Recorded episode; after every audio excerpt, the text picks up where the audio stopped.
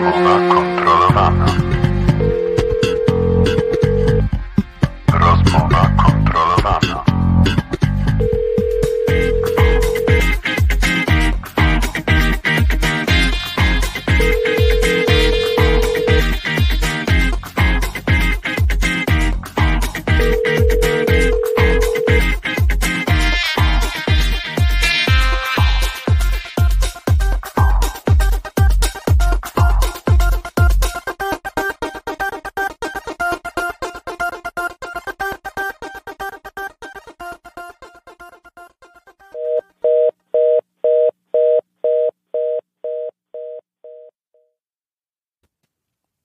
Rozmowa kontrolowana, odcinek 120. 120 już. 120 odcinków nagraliśmy. Masz pojęcie, Adam?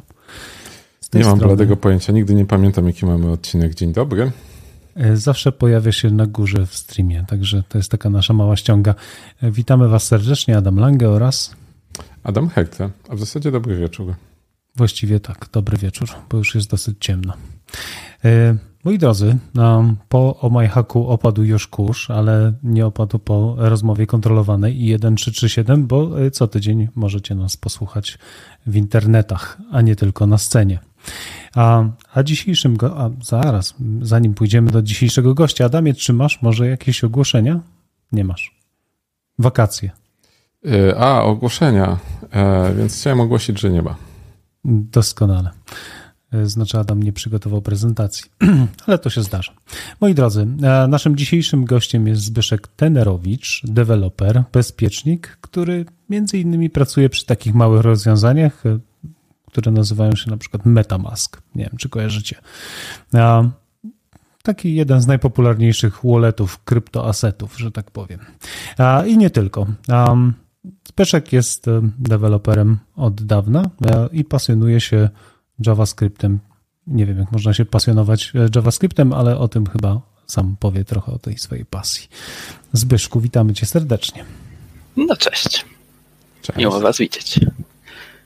Pyszku, my już trochę pogadaliśmy sobie y, poza anteną, ale mamy y, naszych słuchaczy i, i, um, i chcieliby trochę wiedzieć więcej, kim właściwie jesteś i co robisz, więc y, przedstaw się ładnie naszym słuchaczom. Tak. E, to jestem Zbyszek. E, w internecie występuję pod pseudonimem Nauktur. Jeżeli wpiszecie ten napis w jakiekolwiek pole tekstowe, naciśniecie Enter i coś wyskoczy, to to pewnie jest związane ze mną.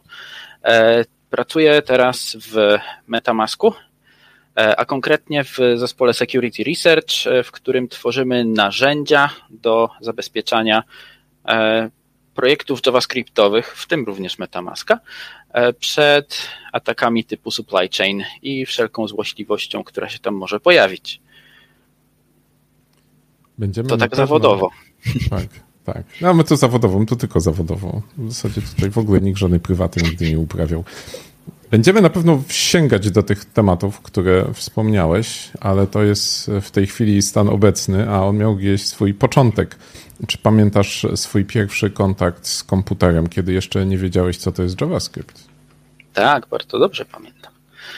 E, Bo mój pierwszy kontakt z komputerem e, jest e, podstawą do czegoś bardzo wyjątkowego. Otóż jestem potencjalnie jedynym przedstawicielem mojego pokolenia, który wie, co stało się z jego kasą, którą dostał na komunię.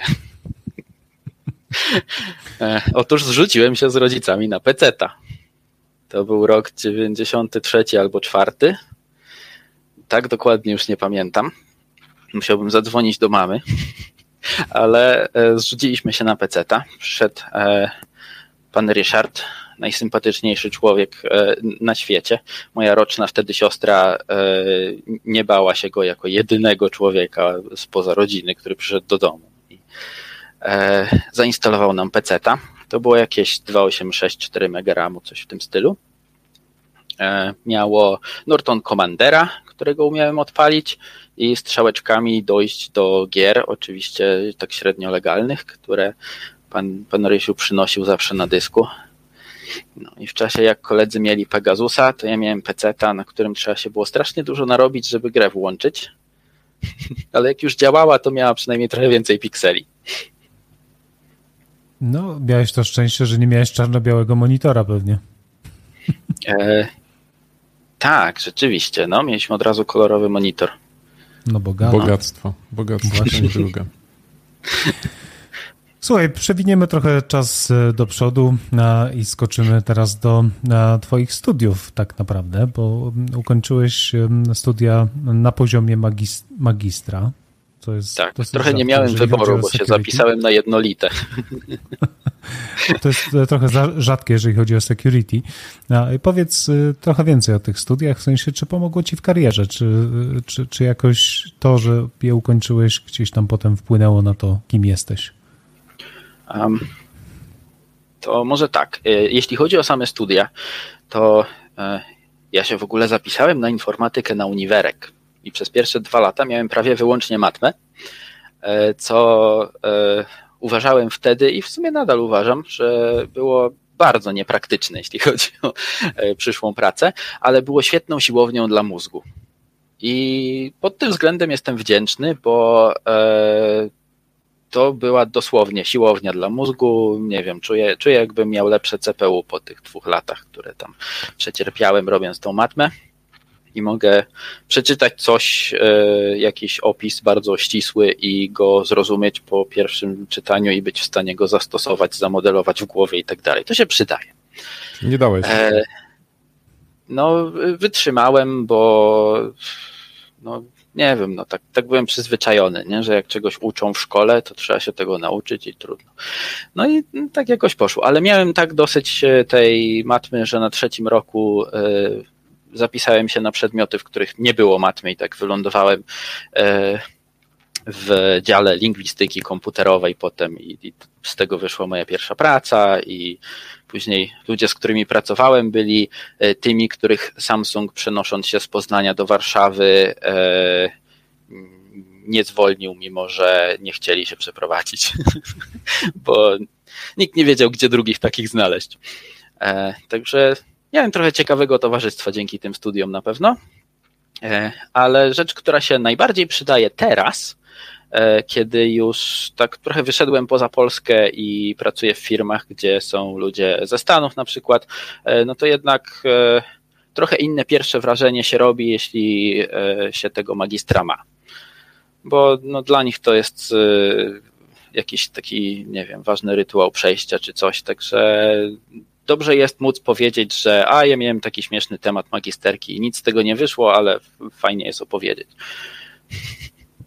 Okej, ciekawa Czyli ogólnie obserwacja. polecasz. Dla, dla tych, którzy, którzy mają gdzieś tam ambicje pracować za granicą, to, to jest dobry... tak, jeżeli dobry ktoś by chciał wyjść w ogólnie pojętą kulturę zachodnią i jej e, branżę IT, e, to dyplom e, robi dobre pierwsze wrażenie. Okej. A nie- Nikt wcześniej nie zwrócił na to nam uwagi w programie, więc tym, tym bardziej doceniamy e, tę obserwację. E, studiowałeś informatykę, pracowałeś jako deweloper a, i jak patrzyliśmy w twoje CV, to tak był deweloper, deweloper, deweloper, deweloper. E, tak jak ten Balmer chyba na tej konferencji. Developers, developers, developers, developers. A potem A, naraz Był spocony i security. tańczył po scenie. Tak, tak, a potem no, nie wymagamy zbyt wiele od naszych gości, przynajmniej nie na żywo. A, a, potem, a potem security. E, Jak, się- jak, jak się stało, że ten zakręt wykonałeś? Czy w ogóle odczuwasz to Ja- jako zakręt, czy nie wiem, może jako naturalny rozwój? No, Jak- jak- to, jak to to w ogóle nie był jest? zakręt, bo ja dalej jestem deweloperem. Tylko e, piszę programy, które zabezpieczają supply chain. E, I nie czuję, żeby aż tak dużo się zmieniło, bo ja tak skręcałem w stronę tego security lekko od samego początku. No, nie obejrzałem hakersów w 95, ale raczej niedługo później. E, Pamiętam do dziś wrażenie, jakie ten film na mnie zrobił. Pewnie E. Angelina Jolie, a nie film. E, No, akurat nie. Także e, jest nerdowo. Wrażenie na mnie zrobił film. E, Moją ulubioną postacią z tego filmu był serial killer. E, I chyba tak zostało do dziś. W każdym razie, e, od początku miałem jakieś takie ciągoty e, do, do bezpieczeństwa i psucia. E, I takim żartem, który jeśli ktoś widział więcej niż jedno moje wystąpienie e, na konferencjach, to już pewnie zna. To jest żart, którego już parę razy użyłem, ale autentycznie pierwsze pięć linijek JavaScriptu, jakie w życiu napisałem, nie znając jeszcze JavaScriptu i nie wiedząc za bardzo, jak to działa, i nie znając się jeszcze na security i nie wiedząc za bardzo, jak to działa, moje pierwsze pięć linii JavaScriptu wywalało Explorera. E, ale tak całego było- Explorera. to Razem z było Explorer. Exe i e, paskiem znikał pulpit. Wszystko trzeba było Ctrl Alt Delete, odpalić nowy proces Explorer Exe, żeby wrócić do życia. I tak, to było celowe. Okej, to nie jest źle, bo gdyby to było przypadkowe, to by znaczyło, że to talent dany ci z niebios, a tak to znaczy, że jednak musiałeś nad tym popracować. Nie, nie, to była taka. To była taka odruchowa złośliwość, którą trzeba całe życie trzymać pod kontrolą potem. No i poza, poza branżą security mało kto to docenia. Jeżeli się myśli w ten sposób na spotkaniu z panią pośrednik od kredytów, e, pozdrawiam panią Olę, e, to pani pośrednik od kredytów robi dziwne miny. Jak się jej zapyta, a dlaczego nie mógłbym zrobić tak? Mm. Czy musisz kiedyś nam opowiedzieć o hakowaniu procesów kredytowych?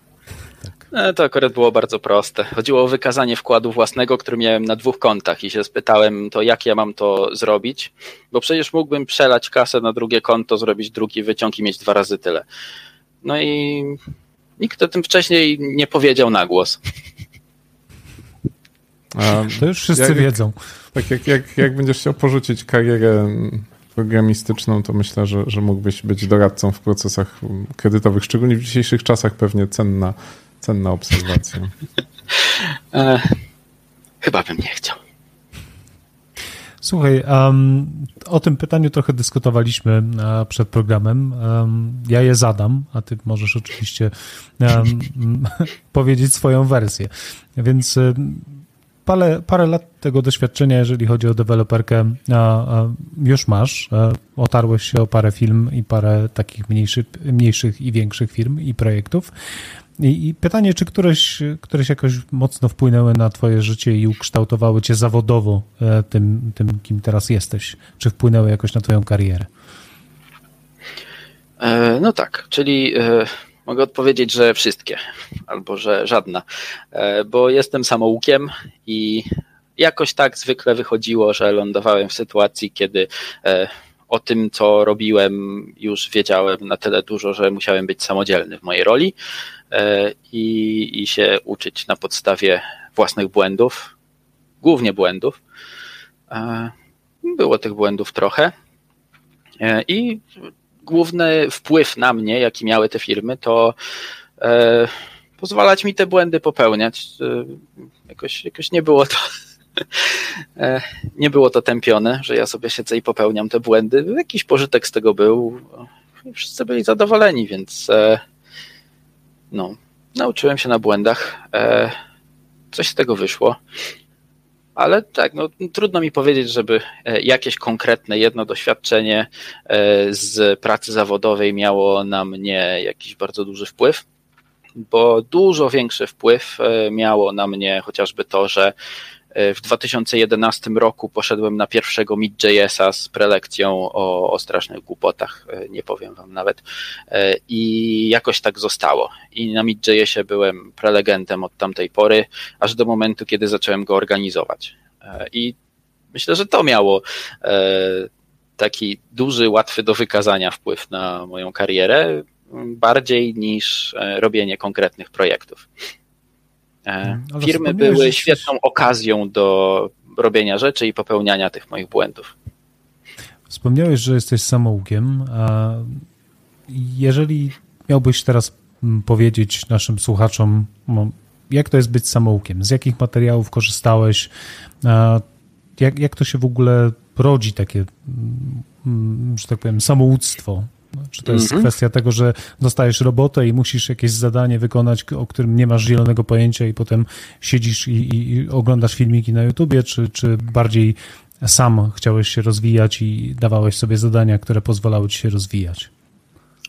No, moje bycie samoukiem sprowadza się do wynajdywania koła na nowo, e, jeżeli tylko ktoś mi pozwoli, więc e, nie, w ogóle nie trawię e, nauki z wideo, także ja się muszę uczyć z napisów. E, Co teraz się staje mało popularne i ciężko znaleźć w wynikach wyszukiwania jakieś napisy już czasami, ale tak się uczyłem. No, uczyłem się przez y, próbowanie i robienie rzeczy samemu i odkrywanie o wiele później niż y, ktoś, kto miałby jakiegoś mentora nad sobą, że to są pomysły, które już ktoś dawno wymyślił i no, fajnie, że odkryłem swój sposób robienia tego i teraz dobrze rozumiem, jak to działa w środku. E, to mi się przyda za jakieś 5 lat, ale dużo lepszym wykorzystaniem mojego czasu w danym momencie byłoby użycie istniejącej biblioteki. Tak, pewnie tak. Natomiast y, masz jakieś y, porady dla samouków? Bo spodziewam się, że sporo osób, które nas słuchają właśnie z branży, ten, hmm. ten idea bycia samoukiem jest y, jakaś dużo, dosyć atrakcyjna. Więc co oprócz sprawdzić, czy nie ma takiej biblioteki, zanim coś napiszesz? Um, idea bycia samoukiem e, ma tą właśnie największą wadę, że E, dochodzi się do rzeczy w sposób o wiele bardziej satysfakcjonujący i przyjemniejszy, e, bardzo często, zwłaszcza dla samouków, jeżeli ktoś już ma takie tendencje, e, ale kosztem tego, że zajmuje to dużo więcej czasu. Więc warto jest, będąc samoukiem, szukać okazji do tego, żeby jednak tego czasu trochę oszczędzić, czyli jednak sprawdzać, czy E, coś, co to robi, już istnieje e, i mieć e, jednak taką grupę ludzi dookoła siebie, którzy nawet jeśli też są samoukami, to uczą się w tym momencie czegoś innego i warto jest mieć dookoła siebie ludzi, z którymi można pogadać, od których można coś zasłyszeć i to zasłyszenie jest dla mnie bardzo cenne. Mm, słucham dużo podcastów, oglądam materiały z konferencji, e, rozmawiam z ludźmi, e, poczytuję to tu, to tam jakieś newsy. I mam taką dużą mapę rzeczy, których e, wiem, że nie wiem, albo wiem o nich cokolwiek, tyle żeby skojarzyć, że jest takie coś i to służy do tego. I to jest rzecz, którą wyewoluowałem stosunkowo niedawno, parę lat temu, a uważam, że dla samouków jest bardzo istotna żeby mieć dookoła siebie taką e, sieć, z której można czerpać wiedzę o rzeczach, których e, jeszcze sam nie przetrawiłem i nie narobiłem tych swoich błędów. Jeszcze może podrążę troszeczkę ten temat uczenia się. Czy nie prościej i łatwiej byłoby faktycznie wziąć takie rozwiązanie e, gotowe i zrewersować je i zrozumieć, niż próbować wynaleźć coś na nowo? Um, chyba nie.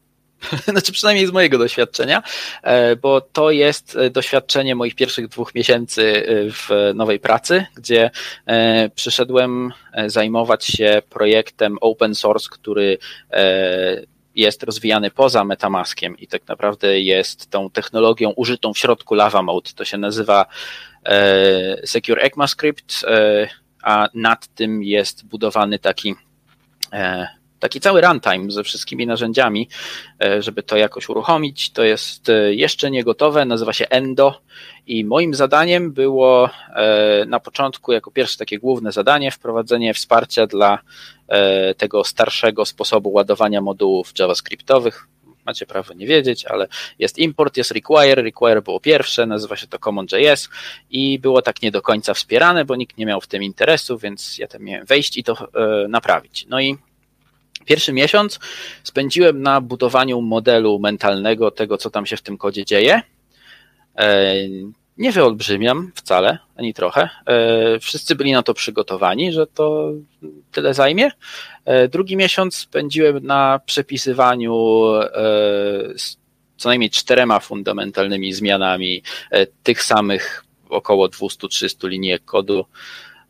Także no nie wiem, czy zrewersowanie czegoś jest łatwiejsze, bo zrozumiałem, jak działa Secure ECMAScript, który pod tym wszystkim stoi, e, dopiero w momencie, kiedy e, biorąc jego fragmenty, napisałem sobie samemu z boku taki kiepsko działający, ale, ale w miarę spełniający tą samą funkcję e, swój mały ses, który ma 20 linijek i mieści się na slajdzie i mogę o tym opowiedzieć. Więc e, no, ja się uczę przez robienie rzeczy samemu i pewnie byłoby mi łatwiej, gdyby było inaczej. ale tak już jest, ma to też swoje zalety, bo potem e, jak już się naprawdę utknie, to rozumienie, jak rzeczy działają pod spodem się wtedy przydaje. Stosunkowo rzadko, ale w branży security może troszkę częściej. Chyba dosyć często. Dosyć chyba. Tak mi się wydaje.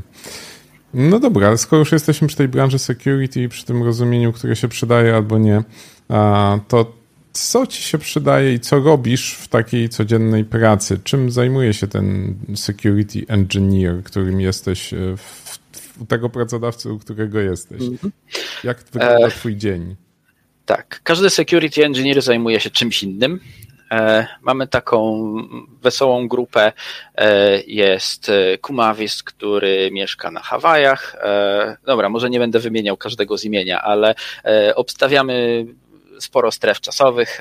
Hawaje, Chile, ja jestem w Polsce, kolega jeden jest w Izraelu, jeszcze jeden kolega jest w Japonii. Także jeżeli chcemy się spotkać wszyscy naraz, to znaczy, że ktoś zarwie noc.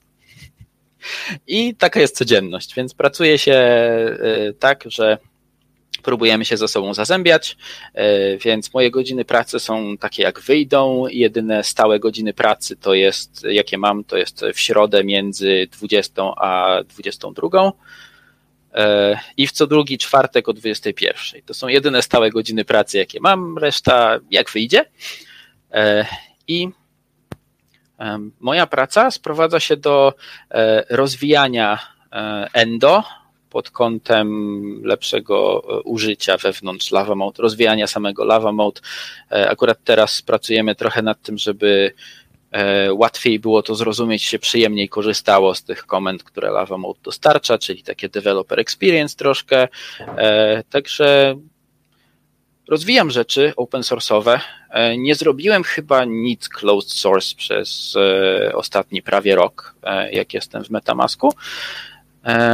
Można wejść sobie na GitHuba, znaleźć moje konto i zobaczyć, co robię. E, wszystko tam jest. E, nie gwarantuję, że da się to przeczytać ze zrozumieniem. Mi zajęło dwa miesiące. E, no ale jest. No i jeszcze moim zadaniem jest też wymyślanie, co jeszcze mógłbym zrobić. Także szukanie dziury w całym, jakiś, jakiś mały red teaming wewnętrzny i e, no to już nie jest takie otwarte. W sensie jak znajdziemy jakąś lukę, e, to e, nie piszemy o tym od razu publicznie na GitHubie, ale jakieś tam luki się zdarzają. Także szukanie dziury w całym lub wymyślanie sposobów na szukanie dziury w całym też się dzieje, przy czym coraz głębiej już brniemy w te technikalia javascriptowe, także powoli zaczynamy szukać y, dziur w miejscach, gdzie nawet wytłumaczenie takiej dziury przeciętnemu hakowi, y, przepraszam, przeciętnemu e, script killi, który by nas chciał zaatakować, graniczyłoby z cudem. A powiedz, czy, czy to, że jednak pracujesz przy kryptowalutach i tych mechanizmach wbudowanego bug bounty dla osób, które znajdą błędy, czy myślisz, że to jest takie już nie wiem jak to ładnie po polsku powiedzieć, ale po, po, po, po angielsku jest to cutting edge technology, tak? Czyli tak naprawdę masz do czynienia z bardzo potencjalnie zmotywowanym napastnikiem, e, bardzo silnie zmotywowanym i na dokładkę często silnie sfinansowanym, ponieważ wcześniej mu się coś już udało i, i człowiek zarobił w ciągu jednej nocy 100 milionów i jest w stanie je zainwestować w przełamanie kolejnych zabezpieczeń, czy masz takie poczucie, że faktycznie jesteś no, na tym froncie, gdzie wszyscy strzelają i, i trzeba tam wymyślać rzeczy, których jeszcze nikt nie wymyślił, żeby bronić się przed rzeczami, których jeszcze nikt nie wymyślił, ale teraz e, tak, wymyślił dokładnie warto. to robimy. Dokładnie to okay. robimy. E, Lava Mode się wzięło e, stąd, że może pamiętacie, był taki pierwszy duży, głośny, złośliwy pakiet e, na NPM-ie, który miał e, zaszyfrowany payload, który rozszyfrowywał się nazwą paczki, która e, jest rodzicem w drzewie zależności. Jeśli to była paczka, która była częścią składową określonego portfela kryptowalutowego, to kod się rozszyfrowywał i działał. I to była inspiracja do powstania Lava Mode i to, co robi Lava Mode, to e, bierze SES, którego e, samym gadaniem i gestykulacją chyba nie dam rady wytłumaczyć tutaj na, na live, e, ale to jest, to jest coś, co się dzieje na poziomie języka, w samym runtime javascriptowym to nie jest analiza kodu, w której my wyczytujemy z tego kodu, że gdyby go uruchomić, to on coś złego zrobi. Nie, to działa na takiej zasadzie, że jeżeli złośliwy kod dotarł do nas jako paczka NPM-owa, został wbudowany w aplikację i uruchamia się już na środowisku albo w, jako krok w buildzie, albo jako coś u, u użytkownika, to Lava Mode ma za zadanie powstrzymać to złośliwe oprogramowanie przed działaniem. Czyli jeśli jakaś paczka służyła nam do tego, żeby wyświetlić jakiś komponent w UI-u albo do tego, żeby wykonać jakieś tam obliczenia, policzyć jakiegoś hasza i nagle sięga po dostęp do sieci, to okaże się, że fetch, czyli to, czym się robi zapytania HTTP, nie istnieje. Nie ma takiego globala. I ten pakiet go nie widzi, a inny pakiet go widzi. I to jest. To są rzeczy, w które jeszcze rok temu bym nie uwierzył. 12 lat doświadczenia w JavaScriptie to było za mało. Nie wiem, czy kojarzycie efekt Dunninga-Krugera.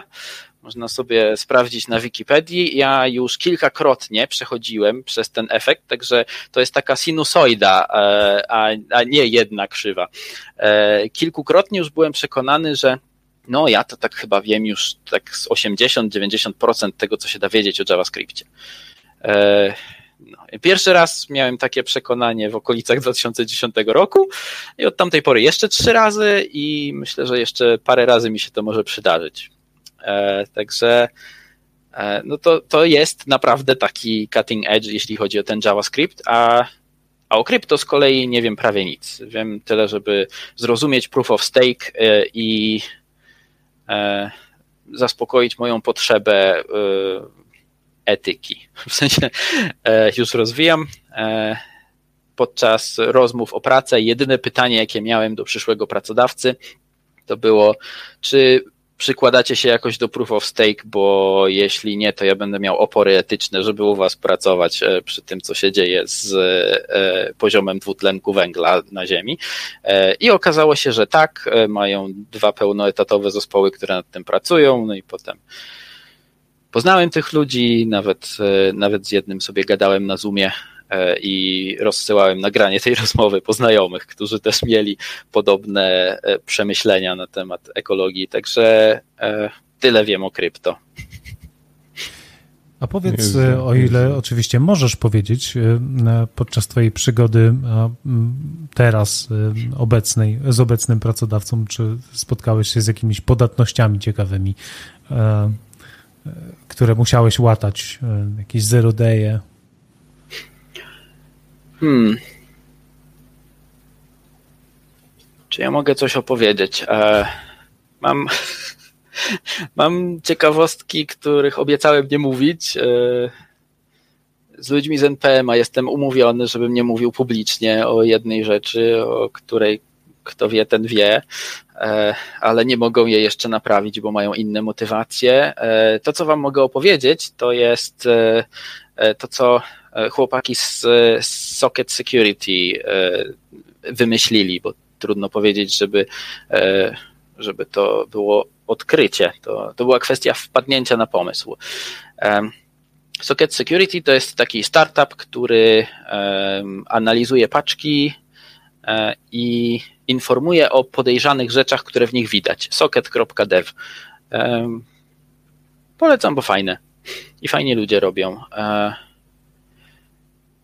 Przy okazji robią też research. No i ostatnio wpadli na taki pomysł, że jak już komuś się uda wymyśleć, tak jak nam w Lava Mode na przykład, zabezpieczenia przed e, uruchamianiem skryptów instalacyjnych, czyli instalujemy coś z npm, tam jest skrypt o nazwie postinstall, który się odpala, tak jakbyśmy zrobili bash, spacja nazwa pliku, wszystko fajnie.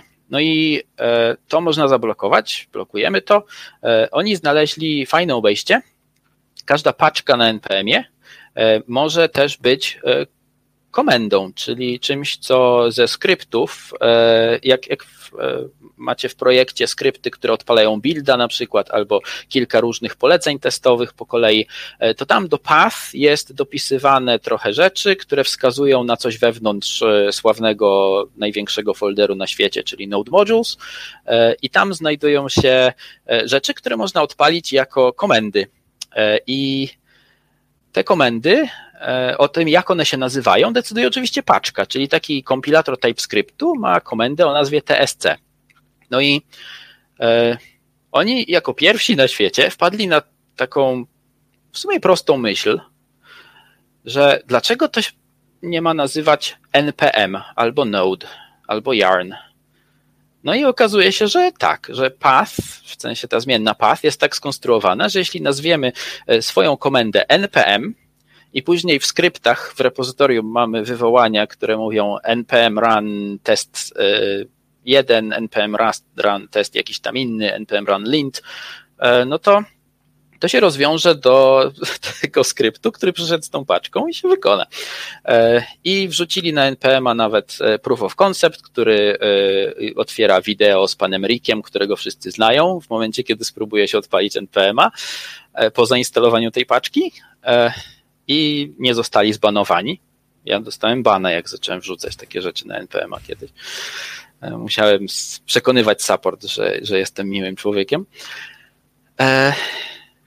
No i co, no zajęło to trochę czasu, bo tak z tydzień kombinowaliśmy, ale wykombinowaliśmy, jak przejąć kontrolę nad sposobem instalowania tych, e, tych komend wyłączyć to w NPM-ie i wiarnie i kontrolować to samemu, zrobić e, allow listę i tak dalej.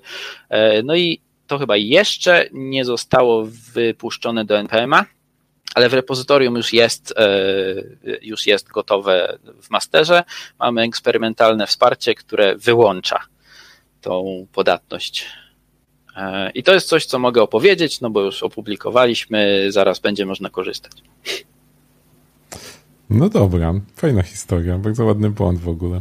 Ale teraz takie pytanie powracające trochę do podstaw, czy też do historii. E, ja, co prawda pisał je Adam, więc je zadam e, w tej części swojej. Mówię, dlaczego JavaScript, a dodając część Adama, nie było normalnych języków? A, więc e, więc na, przynajmniej na tą pierwszą część odpowiedz. Skąd tak. akurat te, skąd Nie, to ja odpowiem na tą drugą. Ja, ja nie lubiłem nigdy normalnych języków. W wieku 13. trzeba było kod wtedy pisać w jakimś brainfucku albo w whitespace'ie. No, byłem tam. E, w wieku około 13 lat e, tak nie bardzo miałem dostęp do czegokolwiek innego, nie miałem internetu w domu bardzo długo.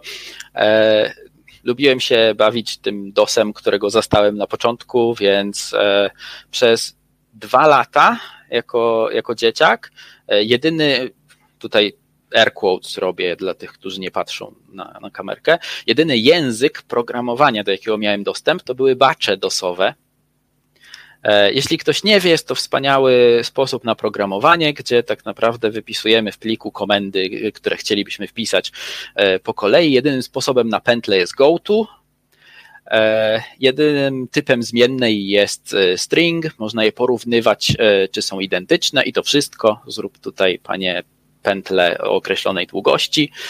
Otóż robi się to wpisując do jednego stringa tyle literek i, ile chcesz obrotów pętli i do drugiego konkatenując po jednej i porównując, czy są identyczne i wtedy go to na zewnątrz. I tak spędziłem dwa lata, napisałem w tym dużo różnych rzeczy, e, łącznie z e, gierką, która zachowywała się trochę podobnie do SimCity i była w ASCII i moja siostra była w stanie w to grać. E, wpisywało się polecenia i tam statystyki się zmieniały, jak się budowało rzeczy.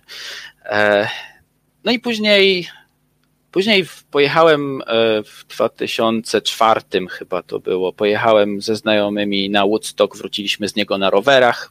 Miałem zakażenie w stopie, musiałem leżeć przez parę dni, bo sobie rozwaliłem stopę. Przeczytałem książkę do Turbo Pascala od deski do deski. Dwa miesiące później dostałem kompilator. Napisałem coś, odpaliłem i byłem zawiedziony, bo działało. bacze, jak się napisało, to później trzeba było jeszcze dwa razy tyle czasu spędzić na debugowaniu tego i to dopiero była zabawa. Bad command or file name. Nie wiesz w jakiej linii. E, no, także w porównaniu do tego, od czego zaczynałem, to JavaScript jest w ogóle bardzo estetycznym językiem pod każdym względem. E, no a jak się wie, czego unikać, e, czyli tak po kilku latach doświadczenia, to JavaScript jest bardzo fajnym językiem.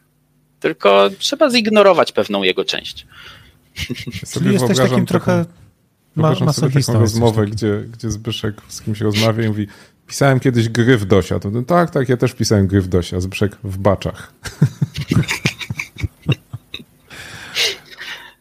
Więc... No, w polskojęzycznym internecie nie znalazłem kogoś, kto by e, tak dużo energii w to włożył i, i doszedł do tak skrajnych czuję, rzeczy. Czuję, czuję twoje emocje, bo pamiętam, że na szóstkę z informatyki w trzeciej klasie liceum mieliśmy napisać program, który będzie po uruchomieniu przyjmował dowolną, nieograniczoną, ale skończoną liczbę dyskietek i będzie je listował do plików tekstowych i potem to jak po ostatniej dyskietce po prostu będzie na dysku efekt w postaci wydruku wszystkiego. Mieliśmy to napisać w czystym DOSie i nie miałem no. szóstki. Bardzo długo nad tym siedziałem. Bardzo długo. Ale były, były, problemy nie do przeskoczenia dla, dla trzecioklasisty ówczesnego i nie, nie dało rady. A mogłeś to napisać Adamie w assemblerze, jak normalny człowiek. Polecenie było, że w DOSie trzeba napisać, czystym DOSiem. Rozumiem. Zbyszko, czy już po twojej wypowiedzi wiemy, że jesteś trochę masochistą i e, jeżeli czegoś należy unikać, to JavaScript na pewno. E, to teraz powiedz, e, bo to jest pytanie, które zadał w komentarzach Hate Seed, nasz słuchacz. Pytanie brzmi, czego w JavaScriptie nie lubisz? Hmm. To jest skomplikowane pytanie, e, bo ja generalnie JavaScript bardzo lubię. E, to, czego w nim nie lubię, to to, że ma aż tak dużo zaszłości historycznych, które są już nie do ruszenia. E, bo, bo nie można zepsuć webu.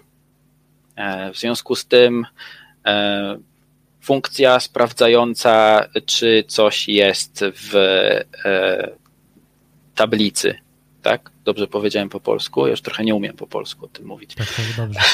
czy, to jest w, czy, czy coś jest w eraju? E, musiała się nazywać includes.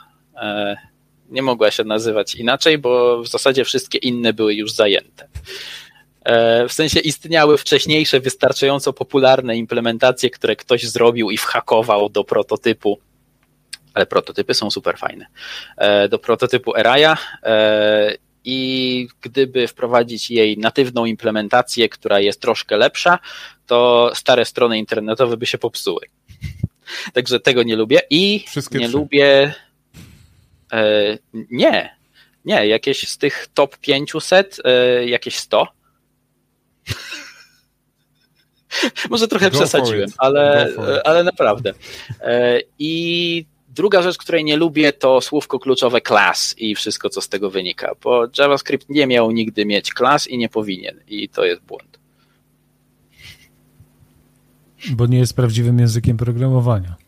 E, jest prawdziwym językiem programowania, tylko wzorowanym na e, Smalltalk, Lisp i różnych takich, e, gdzie dziedziczenie prototypowe zostało wprowadzone i JavaScript akurat w te 10 dni, co był wymyślany, to, to właśnie ta podstawa została tam wprowadzona.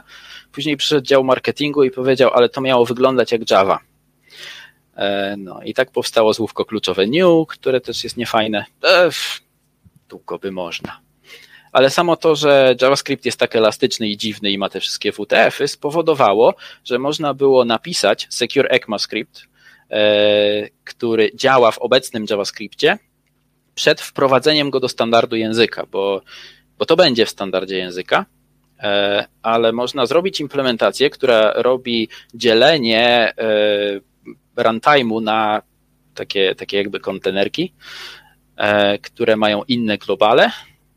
I można to napisać w samym języku, używając jego najpotworniejszej konstrukcji, czyli with, większość ludzi, którzy współcześnie piszą w JavaScriptie, nawet nie wiedzą, że to istnieje, bo zostało zakazane przez Douglasa Crockforda bardzo dawno temu w książce JavaScript The Good Parts i tylko stamtąd to znałem, aż do niedawna.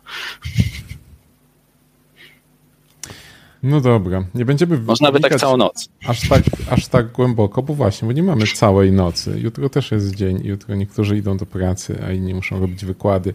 A, ale na pewno chciałbym jeszcze Cię poprosić o rozwinięcie jednego tematu, bo zacząłeś już trochę o tym opowiadać, jakie macie pomysły na walkę z czymś, z czym w sumie w wielu środowiskach bardzo trudno jest walczyć, czyli ten supply chain, supply chain czyli ataki na łańcuch dostaw.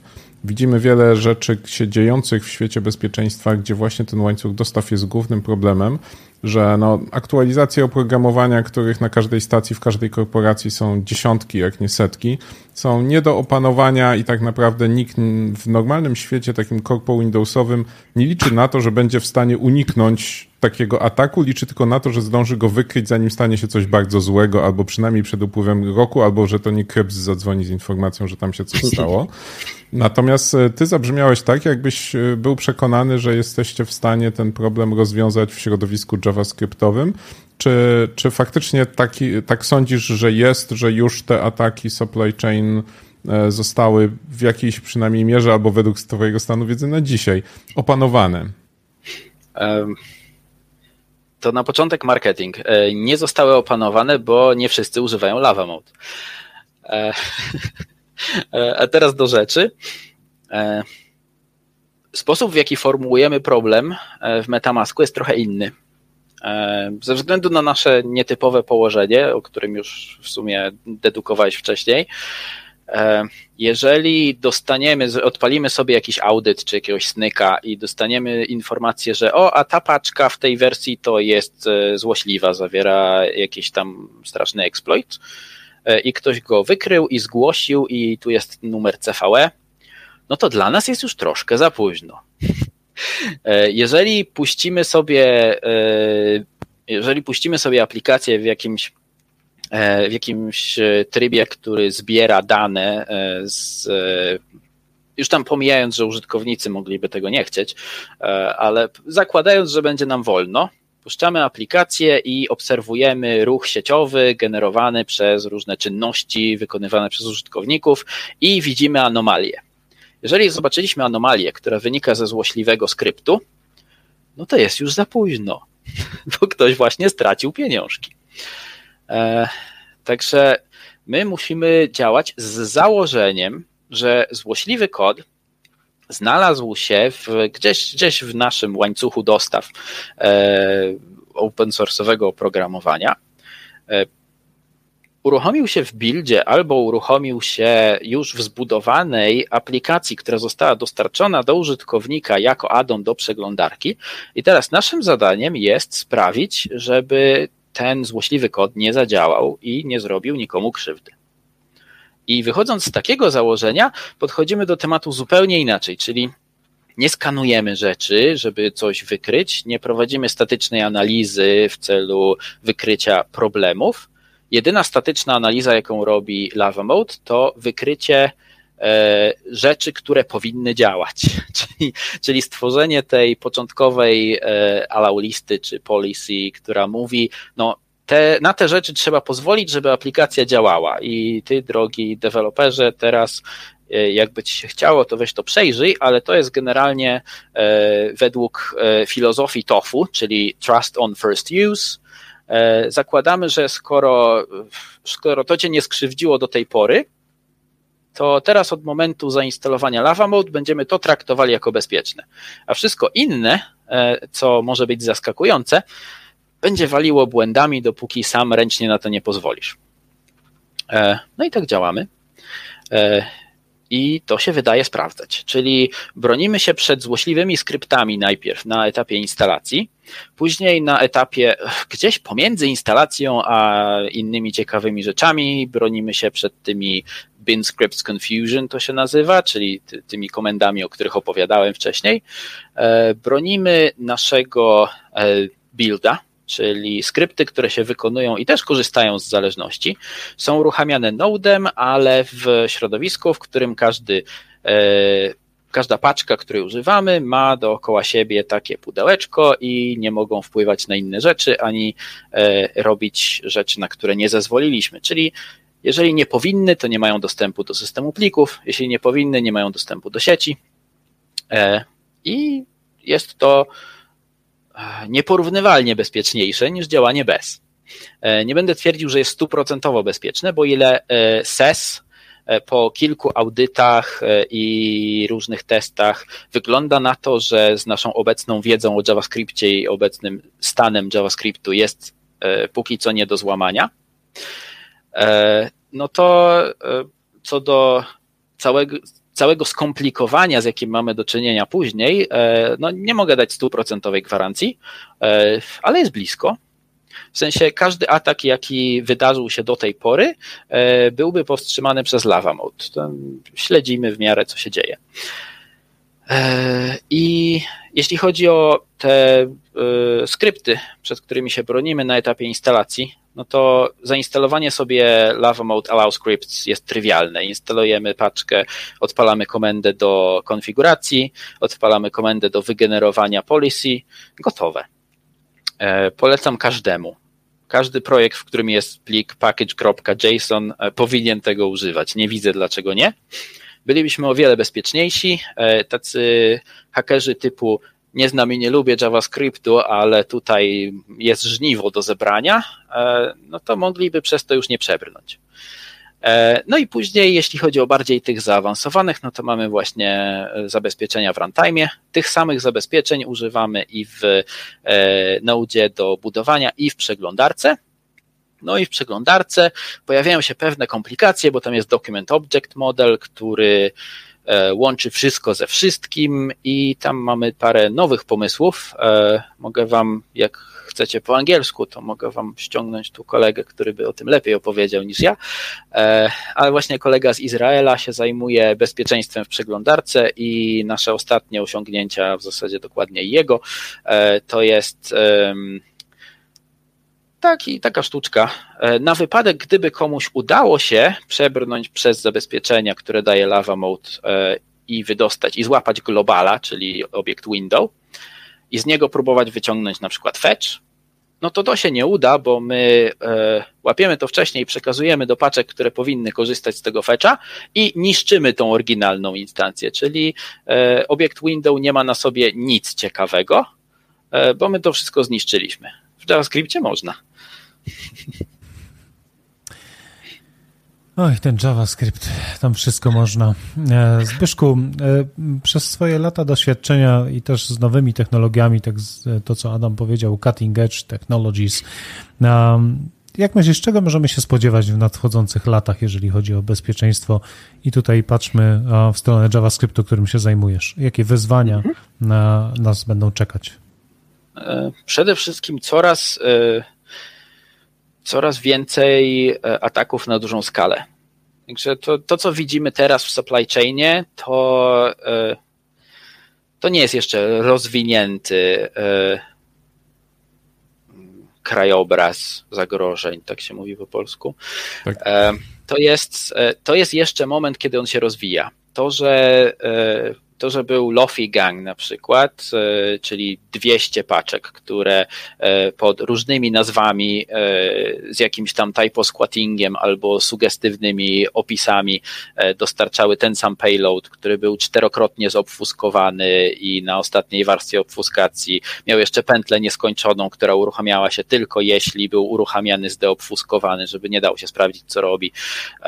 No to było tego sporo opublikowali tego 200, celowali w e, klucze do Discorda, z tego co pamiętam, czy jakieś tam gry, także e, też pewnie e, ta sama grupa docelowa, o której, o której już słyszeliśmy wielokrotnie, lapsus i tak dalej, no to jeszcze nie jest profesjonalne hakowanie, a już jest dosyć zaawansowane jednak. Oni tam w tym JavaScriptie robią ciekawe rzeczy dosyć i używają zaawansowanej obfuskacji. E, jak się za to zabiorą profesjonaliści e, i porekrutują ludzi, którzy zjedli zęby na JavaScriptie, to wtedy się dopiero zrobi ciekawie, bo e, bronienie się przed skryptami będzie nas broniło przed atakami, które znamy teraz. I myślę, że jeżeli uda się spopularyzować narzędzia do obrony przed skryptami, no to bardzo dużo na tym skorzystamy. Później będzie trzeba się skupić na, na rozwijaniu narzędzi do podpisywania kodu źródłowego i no, ekosystem JavaScriptowy jeszcze e, nie ma takich możliwości jak zapewnienie, że to, co widzimy na GitHubie, zostało jest tym samym, bez zmian opublikowanym do NPM-a jest w dodatku podpisane przez autora. I z racji tego, że NPM jest największy, no to tam jest najtrudniej tego typu rzeczy rozwiązać. Bo zawsze się trafią ludzie, którzy mają paczkę, która jest w top 10 e, tysięcy E, i nie zamierzają e, zainstalować mm, tu faktora, bo oni nie po to szli do open source'u, żeby im ktoś mówił, co mają robić. Także będziemy mieli dużo wyzwań właśnie na takim pograniczu zarządzania emocjami i tego, co się dzieje w supply chainie, żeby móc go w ogóle zabezpieczyć. To będzie powolny proces, który nie będzie stuprocentowo nadążał za tym, co e, potrafią zrobić e, hakerzy i do czego mają motywację. Będzie tego coraz więcej, więc ja bym polecał przy tej skali ekosystemu e, podejście stosowane przy uciekaniu przed niedźwiedziem. Ważne, żeby nie być ostatnim. Więc brońmy się w pierwszej kolejności przed tymi najbardziej banalnymi atakami, w sposob, sposobami, które są tanie i to będzie miało bardzo duży wpływ na ekosystem, jeśli się spopularyzuje. Tylko wtedy już nie będziesz nie, nie ostatni, jeżeli się spopularyzuje, tak? No, to... e, no tak, tak, ale A wtedy też. E, do przodu. No, no tak, tylko wtedy będzie istniała grupa niedźwiedzi, która już jest za wolna, żeby dogonić kogokolwiek. Trzymając się tej metafory. Dobrze, nie będziemy już szli w te żarty, co jeżeli niedźwiedź spina się na drzewo i tak dalej, albo jeżeli dookoła nie ma żadnych drzew. Nie brnijcie A, już. Tak, tak, tak. To nie jest program o niedźwiedziach, chociaż może kiedyś zrobimy jakiś odcinek. Um, ja bym się ale pisał. teraz będę pamiętał. Ale teraz, teraz jeszcze tak e, życzeniowo-marzeniowo, bo faktycznie wygląda na to, że jesteś jednym z, z ludzi, którzy są gdzieś przed pewnymi wydarzeniami, które... Yy, Spróbuję jeszcze raz. Z racji tego, gdzie pracujesz i tego, czym się zajmujesz, musisz przewidywać rzeczy, które się jeszcze nie zdarzyły i musisz też o tym myśleć w miarę regularnie. Więc e, oprócz tego, że przewidujesz jakiś rozwój przyszłości, to chętnie też posłuchamy, co byś chciał, aby się wydarzyło, gdybyś miał możliwość sprawczości takiej nieograniczonej, czyli tak zwaną złotą rybkę, czy, czy innego tam niedźwiedzia, albo lemura, który spełnia życzenia. E, I gdybyś mógł sobie życzyć czegoś, co, co poprawiłoby świat bezpieczeństwa z Twojej perspektywy, nie wiem, co może sprawiłoby, że, że stajesz się bezrobotny, no nie wiem, wymyśl. Życzenia, A, trzy. Trzy, aż trzy życzenia, wspaniale. Dobrze. Hojny jest lemur, hojny jest magiczny lemur dzisiaj. Okej, okay, to e, na początek takie malutkie na rozgrzewkę, zobaczymy co umie. to, ja bym, to ja bym poprosił, e, żeby te y, wysiłki standaryzacyjne e, się przemieszczały szybko. Czyli e, mamy, e, mamy Secure ECMAScript, który jest pomysłem, a wręcz projektem na funkcjonalności, które powinny być w języku. I one się E, dzielą na dużo różnych szczegółów, to jest wprowadzane powoli, teraz trwa wprowadzanie pierwszych z nich. E, no i wiąże się to z wieloma dyskusjami, bo e, nie wiem, czy wiecie, JavaScript standardyzuje się tak, że jest bardzo dużo ludzi, którzy sobie rozmawiają o tych propozycjach i przechodzą dalej te propozycje, które nie dostaną ani jednego weta. Także to, że tam się cokolwiek rozwija, graniczy z cudem. Więc e, ja bym chciał prosić, żeby e, rzeczy związane z bezpieczeństwem wchodziły do języka bezproblemowo, bo na razie jest trochę pod górkę. E, no bo wiadomo, no to bezpieczeństwo, ale wy wiecie, ile to jest roboty i kto zagwarantuje, że to bezpieczeństwo to na pewno będzie działać, jak my to zaimplementujemy. No więc e, to jest moje pierwsze życzenie, żeby to, to przeszło, weszło do języka, było tam i, e, i było zagwarantowane dla każdego, bo wtedy ludzie zaczną masowo korzystać. Nie będę sobie życzył od Gina, żeby mi e, zmusił wszystkich do korzystania, bo to nie o to chodzi. Więc e, drugie życzenie, które bym miał, to żeby ktoś wreszcie wynalazł model e, utrzymania open source'u, który nie bazuje na e, dobrej woli e, kogoś, kto ma za dużo czasu i takie dziwne hobby. Tylko żeby open source e, był, jak się mówi po polsku, sustainable. No ale wiecie o co. Potrafił się utrzymywać. Tak, tak, bo nawet rzucanie pieniędzmi w projekty też nie pomaga. To już na paru projektach było wypróbowane i nie można powiedzieć, że jakoś super działa. Więc jakby ktoś znalazł model e, długoterminowego utrzymania e, open source'u, to byłoby super. E, dwa życzenia zaakceptowane? Jakieś reklamacje? Coś? Jakiś error? Jeszcze, masz, jeszcze jedno masz. Dobra. E, no to z tym ostatnim życzeniem to już e, wypadałoby tak e, popłynąć trochę dalej w przyszłość. E, także jak już jak już to AI się rozwinie, to, to ja bym chciał, żeby żeby nikt nie uwierzył, że bezpiecznicy już nie mają pracy. Powinienem to chyba rozwinąć.